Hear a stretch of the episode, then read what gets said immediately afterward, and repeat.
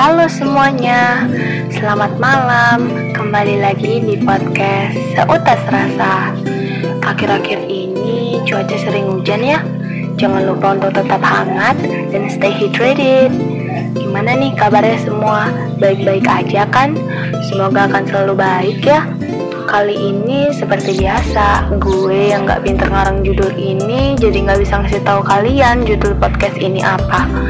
Tapi intinya, kita akan membahas perihal ketika kita menyukai seseorang.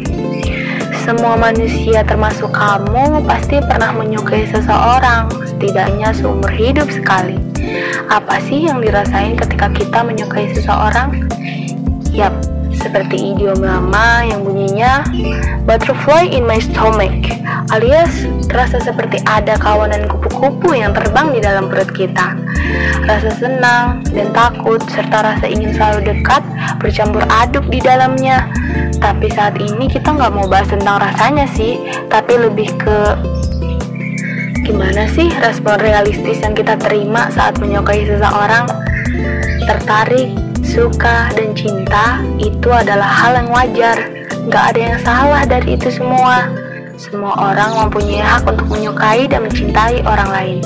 Ketika kita menyukai seseorang, jantung akan terasa berdebar dikarenakan hormon adre adrenalin serta hormon kebahagiaan yang melonjak sangat tinggi.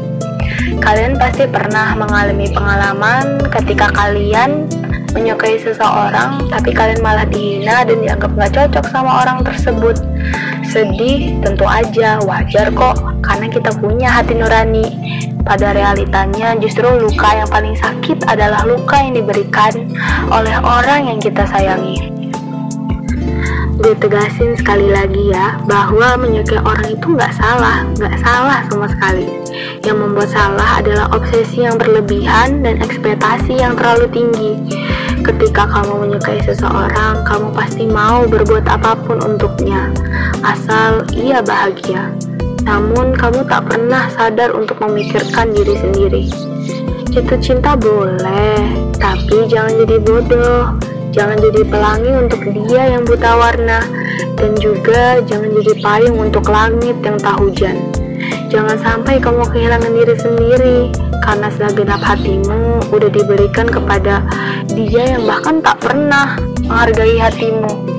Kata orang, fitnah lebih kejam daripada pembunuhan. Tapi menurut gue, obsesi tak kalah kejam daripada fitnah dan pembunuhan.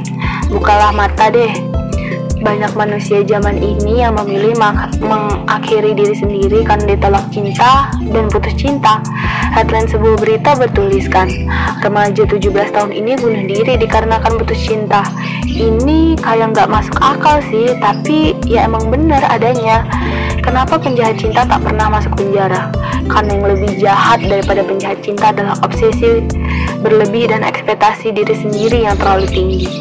Ketika kita menyukai seseorang, sewajarnya aja siapin cadangan hati, biar kalau sewaktu-waktu kamu ditolak atau diputusin, kamu gak akan kehilangan diri sendiri. Udah cukup, itu aja. Jangan berkorban, ter jangan berkorban terlalu banyak untuk orang yang gak pernah sekalipun melihat pengorbananmu. Sakit sendiri sih ujungnya, meninggalkan emang pahit, tapi masih lebih pahit jika kamu ditinggalkan dahulu oleh orang yang kamu sayang. Ketika kita menyukai seseorang, kita perlu sadar sebelum hormon kebahagiaan mengalahkan semua akal pikiranmu. Kamu juga perlu mencintai diri sendiri agar jika seseorang yang kamu harapkan itu tak membalas, kamu masih punya diri sendiri yang siap untuk mencintai. Jangan menjadi orang lain untuk mencintai orang lain karena itu membuktikan bahwa dari awal aja kamu udah kehilangan dirimu sendiri. Bagaimana nantinya? Intinya jangan terlalu larut dalam obsesi percintaan jika kamu nggak mau kehilangan diri sendiri. Sampai sini dulu ya, tetap jaga kesehatan dan selalu bahagia. Thank you.